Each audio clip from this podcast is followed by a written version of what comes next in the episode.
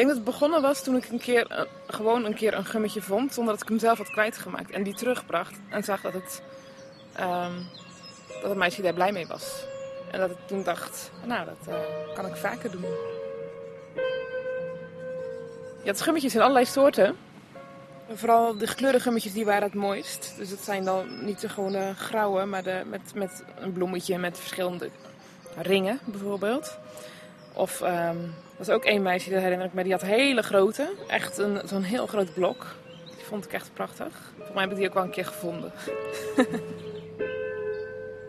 nou, ik was uh, iemand die buiten het dorp woonde. En dat betekende eigenlijk dat ik het gevoel had dat ik heel veel dingen miste. En dat het altijd s'avonds of, uh, of middags na schooltijd, dat er dan dingen gebeurden die, die ik niet meemaakte. En, uh, er waren zelfs vier meisjes in mijn klas, die woonden ongeveer allemaal naast elkaar.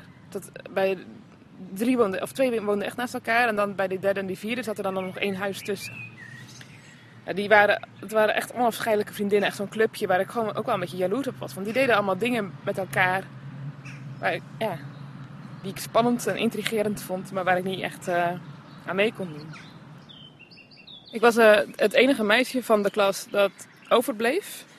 En dan, dan was ik al om half twaalf uit. Maar het, het eten, dat was pas om twaalf uur. Want dan waren ook de andere klassen klaar. Dus dan mocht ik nog een half uur uh, in het lokaal zitten. Terwijl de juf dan andere dingen aan het doen was. Vaak was ze dan aan het nakijken of zo. Maar die was niet de hele tijd in het lokaal. Terwijl ik daar was in mijn eentje. Maar dat had nog wel iets spannends. Want ze kon natuurlijk wel elk moment terugkomen. Ik wist natuurlijk niet altijd wat ze aan het doen was. Dus ik moest het wel heel snel opereren. We hadden allemaal van die pennenstandaards, van die kokers. Weet je wel, vijf van die kokers die aan elkaar vastzitten. En dan in die, die lage vakjes zitten dan de gummetjes en de puntenslijpers en de paperclips. Daar haalde ik ze dan uit. En die bewaarde ik dan in mijn eigen laadje. Maar ik zorgde natuurlijk wel dat ze dan niet meteen voor de pak lagen. Je er lag wel een papiertje overheen. Niet iemand ze kon vinden per ongeluk. Tot uh, iedereen wist dat er een gummetje verdwenen was en niemand ze kon vinden. En dan op een gegeven moment had ik hem in mijn hand. En dan um, liep ik in, een beetje in de buurt van het tafeltje waar die vandaan kwam. En dan zei ik, oh, hier ligt hij. En dan pakte ik hem zo en dan gaf ik hem uh, terug aan het betreffende meisje.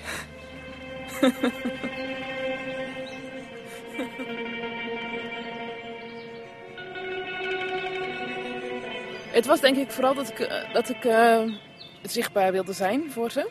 En wat ik wilde was gewoon dat ik, dat ik degene was die die mensen blij kon maken. Op een gegeven moment was er iemand die zei: Ja, het is wel heel toevallig dat jij altijd die gummetjes vindt. Dus toen uh, dacht ik: Ja, ze krijgen het door. Dus toen. Heel top.